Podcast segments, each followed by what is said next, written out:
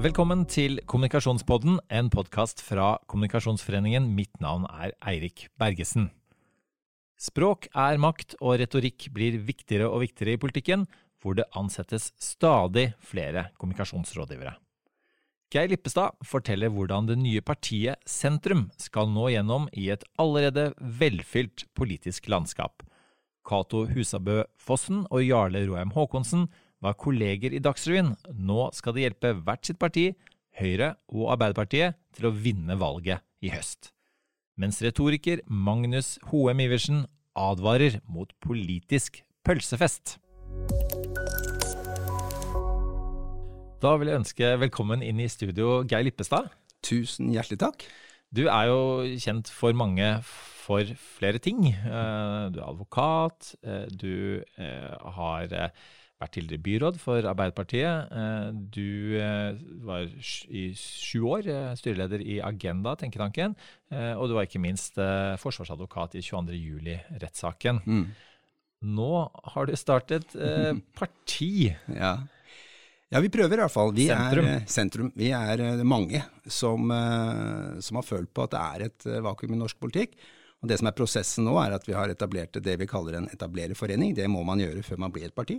Og så trenger man 5000 fysiske underskrifter, ikke bare over mail eller digitalt, men fysiske. Eh, og så blir man registrert som parti. Og det er målet vårt før, eh, før jul. Og det ser ut som vi får til det. Det ligger godt an med underskrifter? Ja, nå er vi ca. halvveis. Hadde vi kunnet brukt digitale underskrifter, så hadde vi vært der for lenge siden, men det kan vi ikke. Men vi er ca. halvveis nå med fysiske papirunderskrifter, så det er litt møysommelig arbeid, men det, det går fremover en mer hardtslående journalist enn meg, Eirik Mosveen i VG, han begynte intervjuet med deg med å spørre Lippestad, hva i all verden er det du har funnet på nå? det er det samme som kona mi spør om. Nei, altså hva, man begynner jo ikke Godt spørsmål, sa du ja, godt svar. Spørsmål. Nei, man begynner jo ikke et politisk parti for man tenker at det er, er smart, men man begynner fordi man har et engasjement. ikke sant? Og, og, og, jeg akkurat nå kommer fra et møte med en, eh, en ung mann i, i Oslo som, eh, som, representerer veldig mange i sin generasjon, som føler på et utaforskap, føler på at den ikke får være med, føler på at rasisme og den type ting lever uten at vi tar tak i disse tingene. Og Når jeg snakker med han og føler det han føler, så tenker jeg akkurat dette er årsaken til at jeg har engasjert meg denne kampen mot utenforskap. Og så er det noen som sier at ja, men uh, er det noen som er mot det? Er, er, skal vi ikke snakke om olje, skal vi ikke snakke om klima? Men liksom, hvis vi ikke greier å leve sammen på en skikkelig måte, hvis vi ikke greier å ha respekt øh, overfor hverandre, hvis ikke vi kan leve i fred og fordragelighet, og folk får lov å delta, så kan alt annet være viktig. Så det er liksom sak nummer én. Og det er et engasjement som jeg har følt på siden jeg var, så lenge jeg kan huske, tror jeg. Så derfor er jeg med, fordi jeg har et engasjement, ikke fordi jeg har gjort et spesielt smart valg, tror jeg. Nei, for nå er det jo gjest i Kommunikasjonspodden, ja. eh, og, og, og, det du sier nå, det handler veldig mye om kommunikasjon, altså måten vi snakker til hverandre, med hverandre, om hverandre på. Mm. Eh, og er, er det, ja, som du sier, du svarer egentlig på det selv. Er, er, det, er det, viktig nok eh, i samfunnet i dag? Du mener det? Eh, altså den, altså, Dere snakker om begreper som, som verdighet osv. Vi, har, vi har en del politiske debatter, ikke minst i USA nå om ja, dagen, i påvente av det valget, kanskje, hvor kanskje ikke verdighet er det, det ordet som, som, kommer først.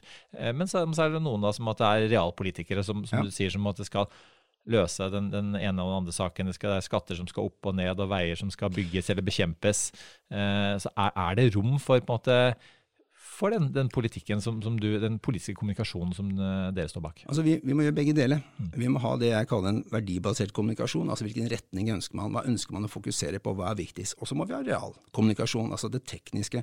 Altså Man må både snakke om klima som en grunnleggende verdi, hvordan skal vi behandle jorda, samtidig som vi også må snakke om at om 15 år så er kanskje ingen som vil kjøpe olje, så hva skal vi selge isteden? Slik at, at både det tekniske og det verdimessige må være på plass. og og dette er kjempeviktig å se hvor alvorlig nå forholdet mellom, hvis vi tar de store politiske i, i, i verden i dag, og ikke tar USA, men tar Frankrike og Tyrkia f.eks., hvor, hvor eh, Erdogan og, og, Macron står mot hverandre og snakker om ytringsfrihet, snakker om religionsfrihet. Og så blir det plutselig en enorm debatt som, som, som fyrer opp millioner av mennesker, og det er farlig. Mens, mens regionsdialog er, er, noe helt annet. Hvordan kan man snakke sammen da om ytringsfrihet, samtidig som du kan ha eh, at man kan leve med en regionsfrihet? Hvordan kan, dette, hvordan kan, dette, gå hånd i hånd, slik at man ikke står og diskuterer eh, karikaturtegninger når den oppstår, men, men, har diskutert på forhånd hva er ytringsfrihet, hva er regionsfrihet, og hvordan skal dette gå hånd i hånd? Så, så dette med verdibasert kommunikasjon og realkommunikasjon, det hører sammen, men først må det verdibaserte komme. Ellers så blir folk usikre, og så misforstår man, og så tar man hverandre i, i feil eh, mening fordi man ikke forstår det grunnleggende verdiståstedet som motparten, eh, eller, eller, egentlig medspilleren, har. Mm. Mm. Um, Geir, du, du satt som, som byråd med, med, et stort uh, ansvar eh, og, og stor gjennomføringskraft osv. Hva, hva, hva, var, det som var frustrerende med det? Man tenker jo at det er en perfekt posisjon å være i. Ja, det er det, og veldig privilegert. Men det er klart at når du skal ut og brenne for noe, da, så, så husker jeg jeg hadde alltid noe jeg ville si, og så skulle det gjennom fire byrådsavdelinger og masse kommunikasjonseksperter. Så kom det tilbake, og så tenkte jeg ja vel, hvordan skal jeg uttrykke dette? Og så husker jeg noen ganger tenkte at uh, jeg la den lappen ligge igjen, og så brukte jeg de ordene jeg selv ville valgt, og så måtte jeg forklare og forsvare meg litt når jeg kom tilbake. Men veldig mange ganger så blir man jo et produkt da, av, av formuleringer i et stort system. Så jeg, jeg vil nesten si til politikere liksom, vær bevisst på det der, den der kverna der. Uh, jeg tror folk vil ha uh, politikere som uttrykker seg, slik at man kan stole på hvem de er, hvilken retning de vil ha. Husk, folk er ikke opptatt av detaljer i politikken, de er opptatt av retning. Eh, og, og, og, det må vi politikere være veldig tydelige på, hvilken retning vi vil. Og da må vi tørre å, å ikke alltid være helt sånn korrekte på, på hva vi sier. Mm. Og, og du, du, har med deg en rekke eh, politikere som tidligere har vært i KrF, så mm. regionen ha, har en eh, viktig dimensjon. Men, men kunne dere på en måte ha fått den oppmerksomheten? Kunne dere etablert et parti rett og slett uten Geir Lippestad? Det, det er jeg helt sikker på, men, men, det er jo sånn i samfunnet at, at, at, at, oppmerksomhet trenger man jo for å få ting på plass. Så, så det har sikkert hatt en innvirkning på, på oppmerksomheten rundt uh, vår spede start. Men at dette kunne skjedd uten meg, det er jeg helt sikker på. Og, og for å si det på en annen måte, jeg hadde aldri greid alene. det hadde blitt en superflopp. Så, så, så, det at det nå er mange dyktige mennesker som jobber fri og villig, som det heter, dette er jo ting vi gjør på fritida av rent engasjement. Det er avgjørende for at dette skal lykkes. Og nå er vi jo snart i alle fylker. Du nevnte SP-start. Den var jo den var ikke så verst. da. Det, var, det lanserte på Politisk kvarter og fikk veldig mye oppmerksomhet på, på kort tid. Mm. Um, hva, hva, lå bak den strategien? Nei, det ærlige er at sant, det var ingen strategi. Fordi hvis du skal legge en mediestrategi, så går den ofte feil. Vi hadde en plan om å starte et parti, det hadde vi bestemt oss for. Så hadde vi jo tenkt å bygge mer politikk og bygge mer struktur og organisasjonsutvikling før vi gikk ut med dette. Men det går jo ikke, for det blir jo da kjent, og, folk får vite det. Og da må du ta kommunikasjonen og, og sakene når de oppstår. Og når mediet da var interessert, så sa vi vel, da forteller vi om våre planer. Og så blir det da litt prematurt, det må det jo bli, men vi forteller planene når folk spør, er åpne og ærlige og, og, og legger dette på bordet. Og det er jo kanskje litt begrepet mediehåndtering misvisende med det. Du, man, Det er ikke så lett å håndtere media. Jeg, jeg, tror ikke man skal tenke at man håndterer media. Jeg Nei. tenker at, at uh, hvis media er interessert i et budskap, uh, så, så, er det positivt. Og, um, og, for oss så handler det jo egentlig bare om å fortelle hvorfor vi har dette engasjementet. Hvorfor tenker vi at det er plass til et nytt parti?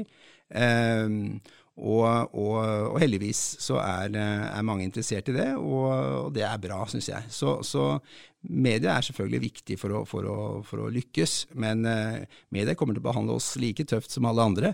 Og det håper jeg, for da tar de oss seriøst og, og, stiller spørsmål og krav til oss. Og det har vi allerede fått, og det kommer vi til å få fremover. Så det, det gleder jeg meg til. Ja. Mm. Du, du, er, du, er, en del i USA, ja. og du kom tilbake fra USA. Du har vært der et halvt år, kom tilbake i sommer. Mm. Um, er, det, er, dette Du har jo fulgt amerikansk politikk eh, tett opp gjennom. Mm. Er, dette, er dette et påfunn du fikk i USA? Hvor sånn, eh, måte, hvor sånn can do society, hvor man en, en, en, Donald Trump stiller til valg uten noe politisk erfaring, ja. og blir valgt som president? Ja. Nei, det, det, var ikke USA som, eh, som fristet meg til det.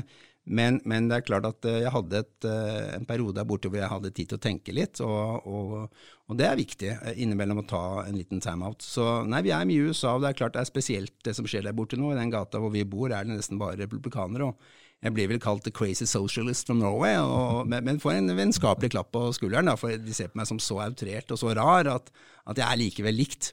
Men, men, det er veldig, veldig polarisert og, og, og nesten farlig. Eh, så, så, folk snakker jo ikke politikk i nabolaget, fordi at hvis man er uenig, så blir det rett og slett skummelt. Ja, og, og USA er vel eh, Nå, nå putter jeg på deg USA-eksperthatten, mm -hmm. Geir. I USA er det vel kanskje litt motsatt, at folk ikke bytter parti. Det er veldig vanskelig å, å, å, stemme for noe annet, selv når det kommer på den utfordrende eh, partileder i realiteten som, som, Donald Trump. Ja, Vi må jo tenke at USA fungerer på ett vis sånn som EU. Og hvor interessert er vi i Norge hvem som er EU-president? Altså, Hvem vet egentlig hvem som er EU-president? Så, så, det er litt det samme. Så det som skjer i Florida, det er liksom det som skjer i Florida, det er du opptatt av, men det som skjer eh, andre steder i, i USA, er det ikke så opptatt av. Da blir det retning er det høye skatter? Er det arbeidsplasser? Er det inntekter? Er vi trygge? Liksom den helt grunnleggende verdiene for hvordan man skal greie seg som familie, som blir viktige. Og selvfølgelig dette med religion, eh, kristendom, disse store tingene. Så Trump han er ikke så dum som vi i Norge tror. Han vet akkurat hva han gjør, og, og, og viser og snakker kun om disse verdiene. Men så er jo han ikke verdibasert, han er jo polariserende og, og konfliktorientert. Og det tenker jeg er noe av det skumleste vi kan være.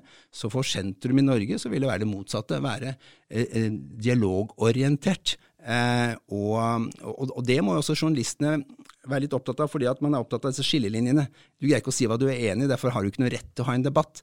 Jo, ta frem de som ønsker dialogen, ta frem de som ønsker å ta opp stemmer, f.eks. dette vi snakker så mye om Norge, ytringsfrihet, regionsfrihet. Eh, hvordan skal vi forholde oss til, til f.eks. dette med karaktertegning i disse dager?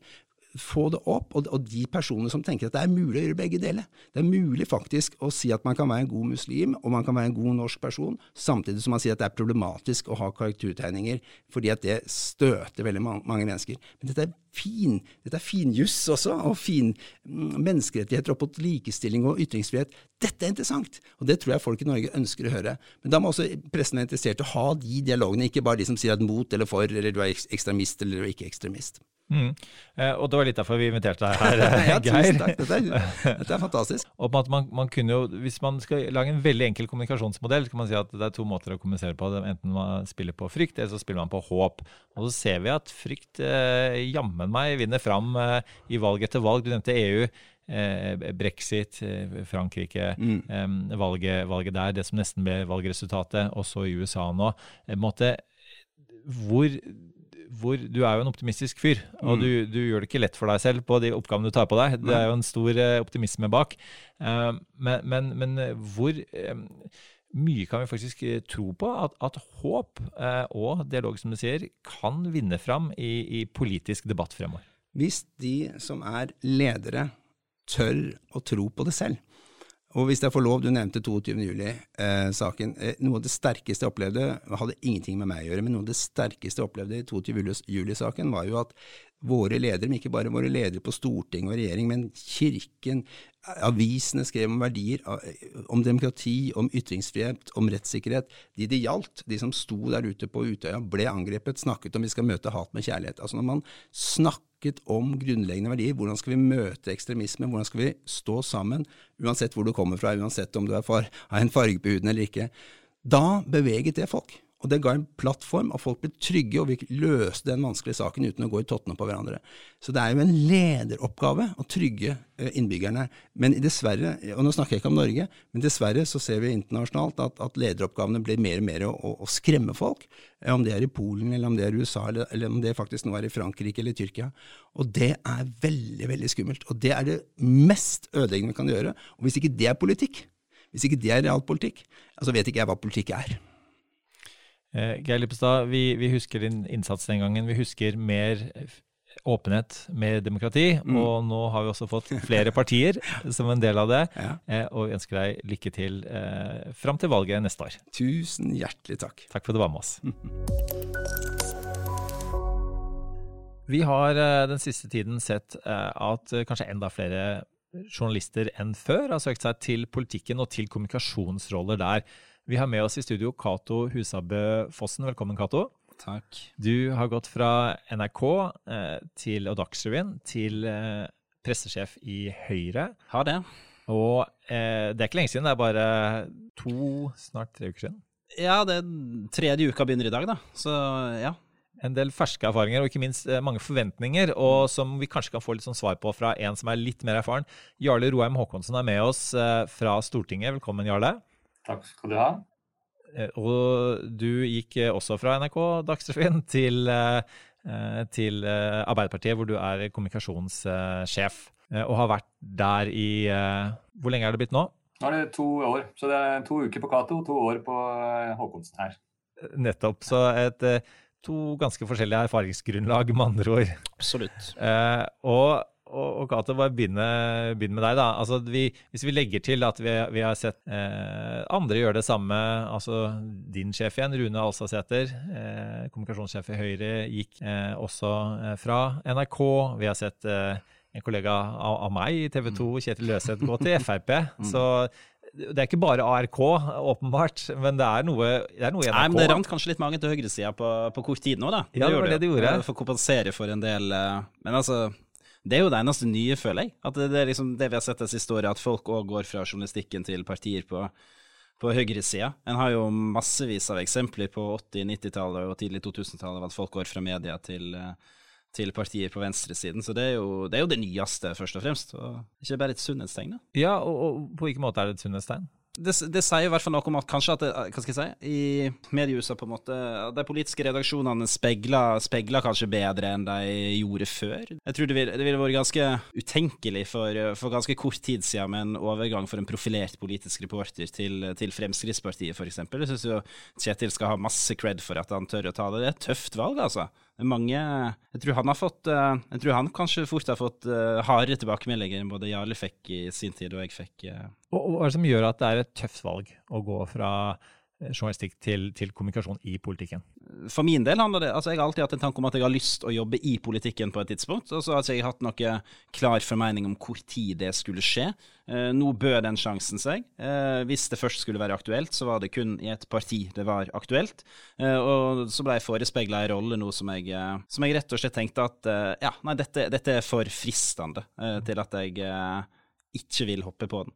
Og, som, som, journalist selvfølgelig så, så, skal man jo på en måte eh, analysere og konfrontere makta. Men hva var det som gjorde at du, du sa at du, du, du, så for deg at det kunne vært spennende, og, og, og, det er en tanke du hadde allerede opprinnelig før du ble, fikk en henvendelse. Hva er, det som, hva som gjør det at du tenker at det har vært spennende å sitte på den andre siden av bordet?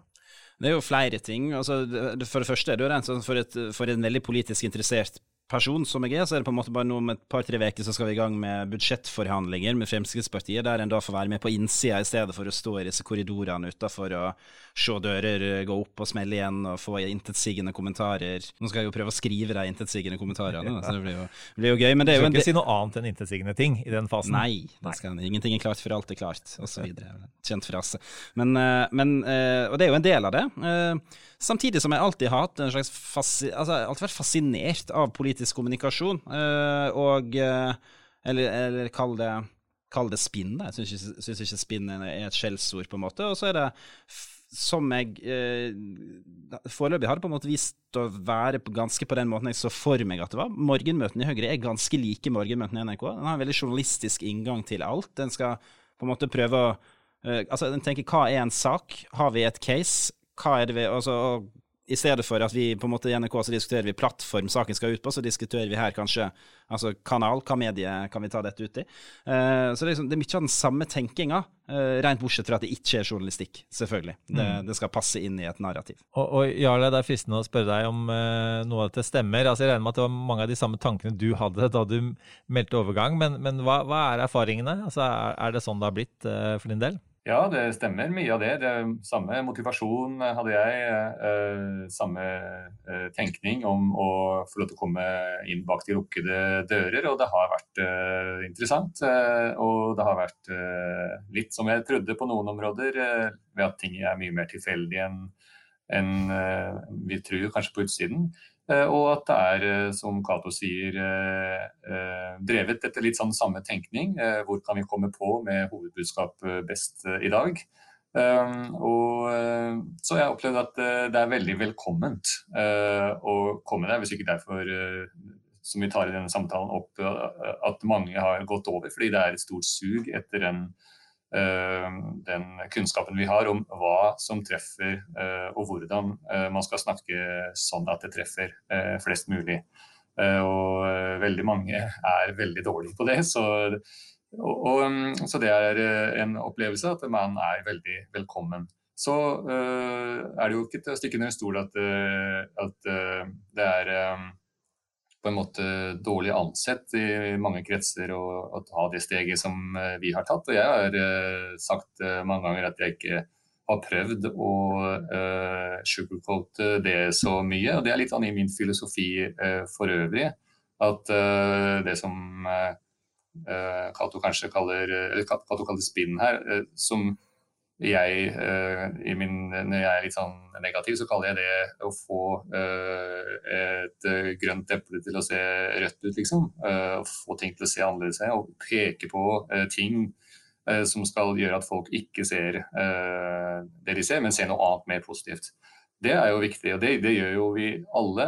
Men jeg tror at tida har kommet dratt fra den litt sånn harry, enkle spinnet. og at så mange av oss har gått uh, denne veien lenge at de fleste mottakerne er litt sånn immune mot, uh, mot det, og at det ofte er uh, det å ha, snakke vanlig, snakke enkelt, innrømme feil, være selvironisk og lave skuldre, funker vel så godt.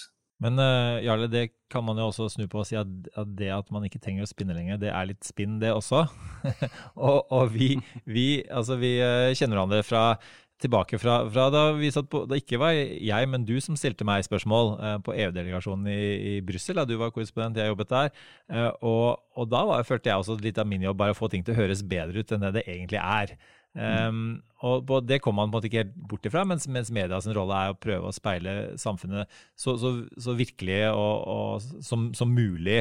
Så, så der, der, er det jo en forskjell. Altså, hvordan, hvordan kjenner dere eh, på det, Jarle, Jarle først? Nei, altså, eh, Jeg tenker at det, det, største problemet for oss eh, nå er eh, å snakke engasjert og engasjerende om litt kjedelig eller moderate eller midtenpolitikk. Det er jo det store, den store utfordringen for Arbeiderpartiet og kanskje også Høyre, når vi har protester og populister på hver sin side som skriker opp og som får oppmerksomheten. Så jeg jobber mest med, med, med, det, å få folk til å snakke med passion om det som egentlig er litt sånn pasjonsløst. Og da, mm. da tenker jeg at eh, og, og, mye av det vi også snakker om nå, er jo øh, Da velger man gjerne egne kanaler, fordi øh, journalistene jo i større grad velger de som øh, enten bestemmer ting, da tar de Høyre, eller de som eh, skriker litt høyt. Da tar de Senterpartiet eller Frp. Så for oss er det da eh, eh, et dilemma om dagen å få folk til å lære seg å snakke med skikkelig passion om at det er faktisk litt av det og litt av det som teller. Det er ikke svart-hvitt. Ja, Kato, hva tenker du om det hvis vi, vi sier at, at, jobben er litt å få ting til å høres mer spennende ut enn det egentlig er? da, Altså få folk til å, altså bli, å engasjere folk der ute eh, i politikk. Det er ikke alle som er like engasjert i politikk som, som dere, dere, to, eh, og kanskje som, eh, som vi i redaksjonen her. Nei, nei, på ingen måte. Senest på Senest på fredag så snakka jeg med folk som ikke hadde fått med seg at Senterpartiet ligger på 20% på en måte. Så det er lett å glemme på en måte når en går i ei boble, hvor, hvor, lite folk egentlig får med seg av, av, av, det som er den reelle politiske debatten. Uh, og, men jeg tror, jeg tror nøkkelen uh, For vår del så tror jeg mye, mye handler om å snakke, bruke et, folk, et språk som folk forstår. Altså vi, det blir lett altså Eh, og når man, sitter, når man, sitter, i regjering da, og på en måte har, har embetsverk i alle departement som, eh, som kommer med talepunkter og, og kronikkforslag og alt til, til, de største profilene, så er det jo fort at språket blir deretter. Og det blir litt byråkratisk. Et veldig hederlig unntak er jo disse koronatalene til Bent, som er jeg syns er ganske fantastiske. Eh, men på en måte å bli bedre på å bruke et, folk, et, språk folk forstår. Jeg tror veldig mye av den politiske debatten går langt over hodet på, altså på både mine venner og min familie, og altså vanlige velgere, rett og slett. Mm. Ja. Men så, Det er jo noe som, som både mediefolk og politikere er, er, glad i i utgangspunktet, og det, det er konflikt. Mm. Um, og i USA ser vi jo Eh, en, eh, det som ligger an til å være en rekordstor deltakelse i det kommende valget, basert på, på eh, masse konflikt, masse følelser. Mm. og noe av dette smitter også over til, til norsk politikk. Hva, hva, hva, tenker dere om, om det der, liksom, den kampen om å komme på Eh, og, og, på en måte, og det å engasjere folk, at, at det, blir, det, blir, kanskje veldig følelsesmessig. Ja, men gjør, gjør, det egentlig det? er ikke liksom de aller aller fleste norske politikere, altså med noen få unntak, kanskje i de partiene Jarle nevner, og et, og et, par til, da, så er ikke norske politikere flest ganske, ganske trauste og nedpå. Og, du nevnte Bent Høie, det er jo veldig, ja. veldig traust. Men så samarbeider ja, man jo nå med, med, med, med, Nå har jo eh, nå nylig har jo Siv Jensen vært ute, og da er det Vingle-Jonas og Kommunist-Bjørnar, og, og det er ganske åpenbart. etter oppskrift fra Donald Trump. Funker det i Norge? Kommer du til å gi råd til dine politikere om å, om å lage, om å lage powerpoint bak uh, Med metaforer? Uh, nei. nei. Uh, det kommer jeg ikke til å gjøre. Men om det funker for Frp, det får de, det får de ta stilling til sjøl, tenker jeg. Mm. Ja, Jarle, hva tenker du? Dere kjemper om å, om å komme til makta. Og, og min, min, gamle sjef Jonas Gahr Støre er, er, jo en, også en nøktern fyr. Eh, altså, måtte, hva gjør du for å måtte, få han eh, på? Nei, altså vi eh, kan ikke eh, forandre eh, på skaperverket, som Jonas pleier å si. Det har jo man prøvd i andre partier andre ganger. Høyre har vel prøvd veldig på det med Erna først, og så fant vi ut at nei, får bare la Erna være Erna, så funka det der. Så jeg tror autentisitet er poenget. folk vil avkle når ting blir for kunstig uansett. Og så tenker jeg at det i tillegg er sånn at Eh, det som skjer i USA, som du nevner, Eirik, eh, eh, påvirker oss på to måter. Både at noen tar etter, ref. Siv Jensen, men at mange føler at sånn vil vi ikke bli. Ser bare i det siste døgnet på det siste angrepet Høyre hadde på Arbeiderpartiet for å love for masse.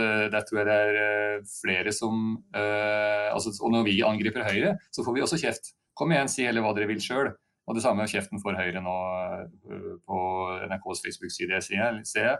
Kom igjen, si heller hva dere vil sjøl. Men, men, sånn er det jo. Det er flere ting som er sant samtidig. Både at angrep og konflikt fenger noen, men at angrep og konflikt skremmer andre fra at sånn vil vi ikke ha det, og det er en veldig veldig sterk motreaksjon. Så, sånn eh, vil det jo bli at et parti eh, kommuniserer offensivt og sånn på egne vegne eh, med noen av politikerne, de ansvarlige kanskje, og så at andre driver og Eh, eh, hakker opp og angriper. Men eh, det blir jo enklere og enklere for Arbeiderpartiet om dagen, i og med at vi ligger så dårlig an, å vite hva vi skal gjøre. For vi skal bare ha tak i de som, som stemte på oss forrige gang. Eh, helt til slutt, eh, vi, ser jo også at kommunikasjon også er, er, eh, visuell, og at det blir viktigere og viktigere. Og, og nå de siste dagene har vi sett at en, en annen Arbeiderpartipolitiker, Hadia Tajik, bare basert på klærne hun har på seg på, på coveret på sin nye bok 'Frihet', altså en grønn velur buksedress får masse kritikk fra mm. akademisk hold. Eh, og først, Jarle, hva, hva, tenker du om det? Nei, Vi har slutta med blonder og slør ut blikket nå, så er det mandag tross alt. Så det, vi, vi har stoppa med det. Men nei, poenget er at her, eh, bare for å si en ordentlig ting òg, eh, tror jeg at eh, motreaksjonen er vel så sterk. Eh, så det er nok et eksempel på det nettopp jeg prøvde å si.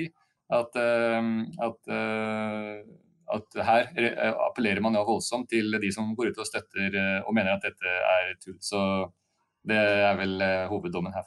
Ja, Kato, det, det, Den strategien kom ikke fra deg? Nei, jeg syns det er en helt uh, tøysete debatt. Personlig hang jeg meg egentlig mer opp i dette bokcoveret til, til Torbjørn Jagland, nå, der han på veldig macho vis bestiger en fjelltopp. I, uh, ja, jeg syns det var, synes det var vel, så, vel så spennende som, uh, som Hadia sitt. Det er jo i oppoverbakker eh, man kommer til toppen, eh, som det heter. Så eh, for å blande inn enda et metafor her.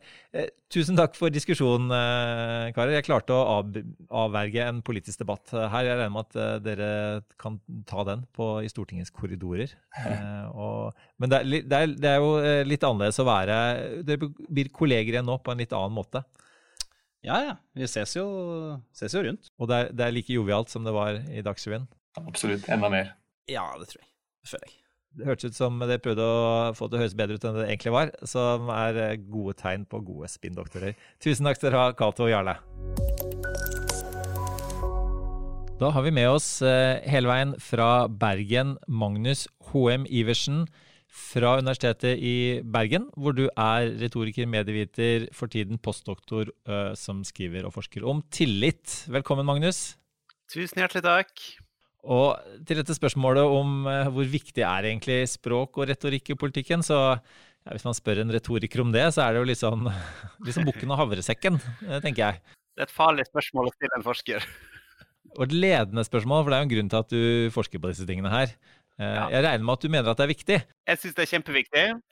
Eh, forutsigbart nok. Men, men eh, jeg tenkte da å si, eh, sånn bare ikke for å være pølseselgeren som vil selge mer pølser og syns at pølser er bra, så er jo språk og retorikk det er kjempeviktig, men både i negativ og positiv forstand. Fordi eh, god politisk retorikk tenker jeg kan forklare vanskelige ting på en på en måte som folk forstår og husker, og kanskje til og med blir litt inspirert av.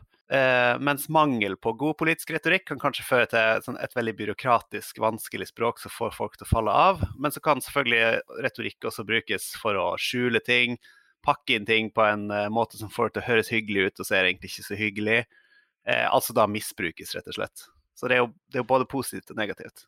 Ja, og i et polarisert samfunn så føler man jo fort at det er sånn at noen bruker retorikk i seg selv og tenker at det er veldig negativt. Og så er det noen som tenker at retorikk i seg selv er veldig positivt. Eh, og det, er, det kan være litt vanskelig å få fram akkurat de nyansene du snakker om. Absolutt. Eh, og vi som forsker på retorikk, eh, iallfall jeg, da, jeg har på en måte godtatt det at retorikk er på mange måter et skjellsord i offentligheten. Blant folk flest så, brukes det som dette er bare ord, ikke handling. Men uh, vi forskere på det, da, vi, vi gjør som Aristoteles, som sa at retorikken er på en måte et nøytralt verktøy. Så det retorikken er på en måte en hammer. En hammer kan du gjøre mye rart med. Kan bygge fine ting. Eller du kan slenge den i hodet på noen. da. Så det går liksom begge veier. Men når alt du har er en hammer, så, så, virker det som om alt rundt deg er spikere, som en eller annen sa. Jeg tror ikke det var Aristoteles. Men er, er det litt fort gjort, da? Ja, kanskje. Det var kanskje en dårlig metafor jeg introduserte der, for da havner jeg jo i fella her, så jeg må huske på det. Retoriker som introduserer dårlig metafor. Um, men, men uh, hvis vi vrir litt på det, Magnus. Altså, man kan også få inntrykk av at retorikk er blitt viktigere uh, over tid. Altså den har en viktigere funksjon i politikken. Hva tenker du om det? Nei, jeg tenker at det er en riktig observasjon. Eh, hvis vi ser på de store samfunnsmessige forandringene, den store bevegelsen her, da, så har du jo det som forskere kaller for medialisering. Det vil si at uh, journalistikk, eller nyhets- og mediefeltet, da, har gradvis vokst seg større og større og større. Og blitt viktigere og viktigere, viktigere i samfunnet. Og så ligger det å dytte på de andre institusjonene i samfunnet. da. Eh, både på politikk, men også på religion. ikke sant? Kirke ansetter kommunikasjonsrådgivere. Hva skal de med det? ikke sant? Dytte på alle, alle andre sektorer i samfunnet, også politikk. Og da ser du da at mengden eh, kommunikasjonsfolk som ansettes, går opp. ikke sant? Men dette ser du jo egentlig over hele linja. Så man kan si at det har blitt viktigere på den måten. Det har blitt mer, eh, mer satsing på kommunikasjon og den type ting da, enn før. Det tror jeg nok stemmer. Ja, og så Når det gjelder politikk, så, så det var jo en tid i, i, Norge hvor man snakket om at noen har snakket sammen, at ting ble avgjort eh, på bakrommet. Men nå er, er på en måte diskusjonene tydeligere i mediene. Og er det en, også en, en, bra ting at, at, vi som eh, At vi får mer eh, i offentligheten da, får ta del tilsynelatende i, i på en måte diskusjonene? At vi er, på en måte, er litt med å, å påvirke før uh, avgjørelsene blir tatt? Ja, det kommer an på hvem du spør. holdt jeg på å si. Eh, det er ikke sikkert alle politikere liker så godt at, at eh, diskusjoner tas i mediene. Men det er klart, i et offentlighetsperspektiv så er det sunt at, eh, at man, man, får et, et, visst innblikk i hvor diskusjonene går, hvem er det som egentlig bestemmer, hvem er det som egentlig har makt, og den type ting. Samtidig så blir det jo en slags hybrid. da. Det er jo ikke sånn at alle diskusjoner er åpent tilgjengelige i journalistikken. Så man må også være litt sånn uh, Man må tenke litt på altså Det er ikke alle som lekker ting, holdt jeg på å si.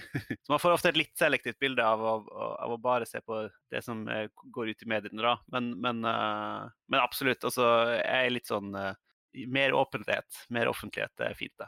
Og så ser vi nå eh, Nå har vi den amerikanske valgkampen rett rundt hjørnet. Tredje Eller valgkampen har vært med oss lenge, men valget eh, Tilsynelatende kjempelenge, men valget er utrolig nok eh, nå i ferd med å bli avgjort. 3.11 skjer det. Og i amerikanske valgkampen så har man jo en meget effektiv kommunikator. Man kan ikke si annet enn det. Donald Trump som ikke har noen politisk erfaring og har rett og slett blitt president. Hva sier det om retorikkens rolle i USA om dagen? Ja, det, det, er et kjempegodt spørsmål. Jeg tenker Det si litt om retorikkens rolle i USA. Det sier også litt om politikernes rolle i USA, kanskje. Um, så Retorikk har alltid vært en veldig viktig del av uh, amerikansk sånn, presidentretorikk. I hvert fall. Uh, kjempestudert, uh, sett på som veldig viktig med presidenttaler og den type ting, og oppførsel i debatter og offentlig opptreden og sånn. og Trump kommer på en måte inn og sprenger dette formatet litt, da, og har en helt annen type stil eh, iallfall enn en mange andre presidenter.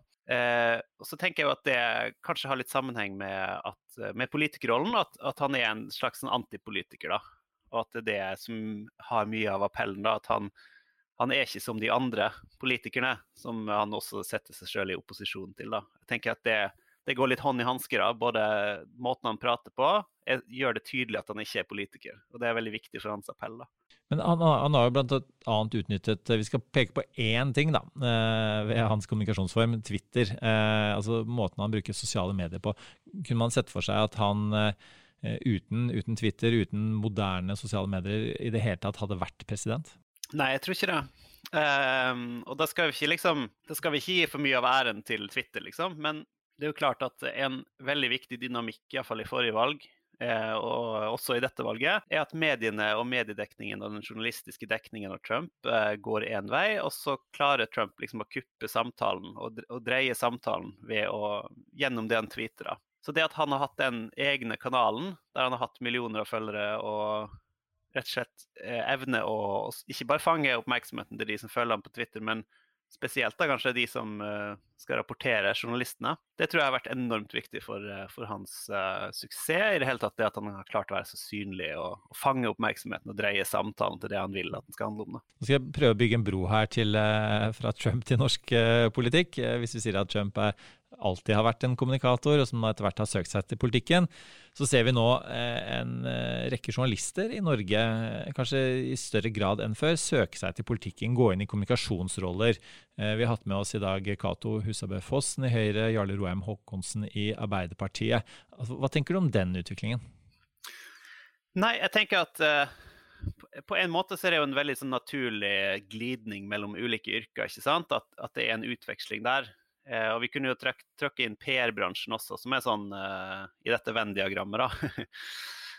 um, så på en måte så er det helt selvsagt på en måte at uh, politiske partier ønsker seg den kompetansen. da, Og de får sikkert mye bra kompetanse. På den andre side så kan du jo si at eh, dette har litt sånn uheldig symboleffekt sett utenfra. da. Fordi eh, selv om eh, disse folka er profesjonelle, eh, de har nok ikke vært på en måte partipolitiske når de har vært på Dagsrevyen. og de har sikkert tenkt seg veldig nøye om før de begynte å jobbe for et politisk parti og, og liksom gått rundene med seg sjøl. poenget mitt er folk utenfra ser ikke dette.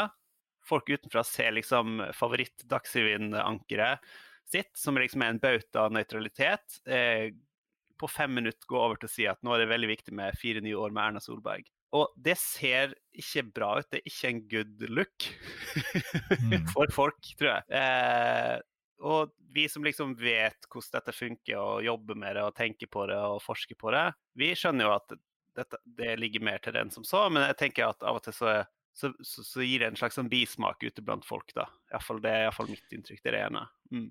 Men, men du, du, sier at det er ikke unaturlig at, at, man søker seg den kompetansen de sitter med. Hva er den kompetansen de sitter med? Hva er det som gjør det attraktivt for f.eks. politisk parti? Ja, nei, Da har du jo nevnt to TV-journalister, da.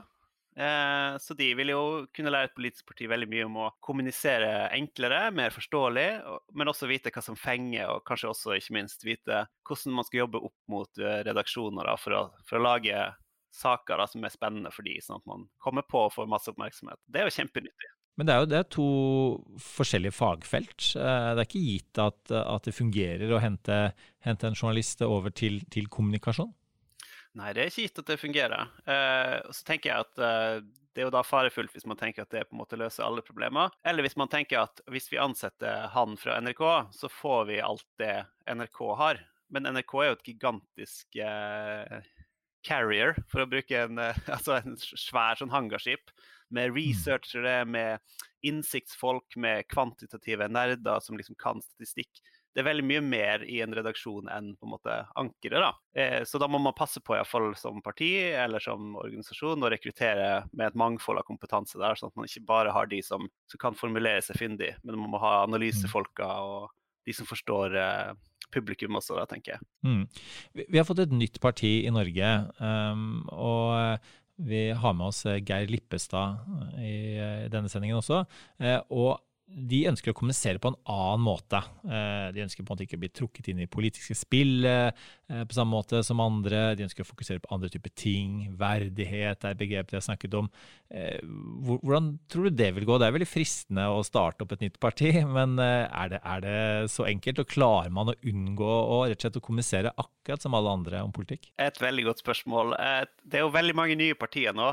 De popper opp som paddehatter, men akkurat dette Lippestad sitt initiativ tenker tenker jeg iallfall eh, Hvis vi tar forbehold først og sier at det er utrolig vanskelig å starte et nytt parti, det er så seigt og eh, tungt og organisatorisk vanskelig å lykkes, så tenker jeg at de på en måte har et potensial. da. Um, men uh, jeg tenker at det kan være et, et slags sånn sug etter et parti som liksom stiller seg litt utenfor det politiske spillet og kommunisere verdighet. Men så er det jo sånn at folk er også veldig glad i å høre om politiske saker, da. Eh, så de må jo ha det, og da må de trekke opp noen skillelinjer, og så plutselig så blir det litt konfliktorientert. Sant? Så de blir, de blir veldig fort dratt inn mot akkurat det samme smørja som alle andre, da. tenker jeg. Og helt til slutt, eh, Magnus, vi kan ikke la være å nevne at eh, du også har hatt en runde innom politikken. Eh, du var politisk rådgiver i lokalvalget for Arbeiderpartiet i et eh, år. Og du skal nå fra 1.1 bli mediesjef for byrådet i Bergen. Så hvis vi da antar at alt dette skyldes at du ønsker å oppnå politisk innflytelse på en annen måte enn man gjør som forsker. Hva, hva var det som overtalte deg til å gå til politikken? Meg personlig nå kan jeg ikke svare for alle, meg personlig så er det nysgjerrighet eh, og muligheten til å lære noe, eh, rett og slett. Så det er faglig interessant eh, å jobbe med. Og pluss at det er ganske vanskelig. og jeg personlig motiveres av ting som er ganske vanskelig. da. Så eh, jeg syns det er en kjekk utfordring, rett og slett. Og alle betenkelighetene har du med å drive og bytte side, har du allerede vært inne på, eh, i åpenhetens navn. Men eh, så vi må bare få lov til å ønske deg eh, lykke til i den nye jobben, Magnus, og takk for at du var med oss i dag. Tusen takk. Takk også til deg som hører på. Og likte du det du hørte, så gi oss gjerne en vurdering, og husk å abonnere. Mitt navn er Erik Bergesen, i redaksjonen har jeg med meg Malin Sundby Revå, Anders Ringen og redaktør Mari Mellum. Podkasten er laget med støtte fra Fritt Ord. Vi høres igjen neste gang. Du har hørt en podkast fra Kommunikasjonsforeningen. Les mer om oss på kommunikasjon.no.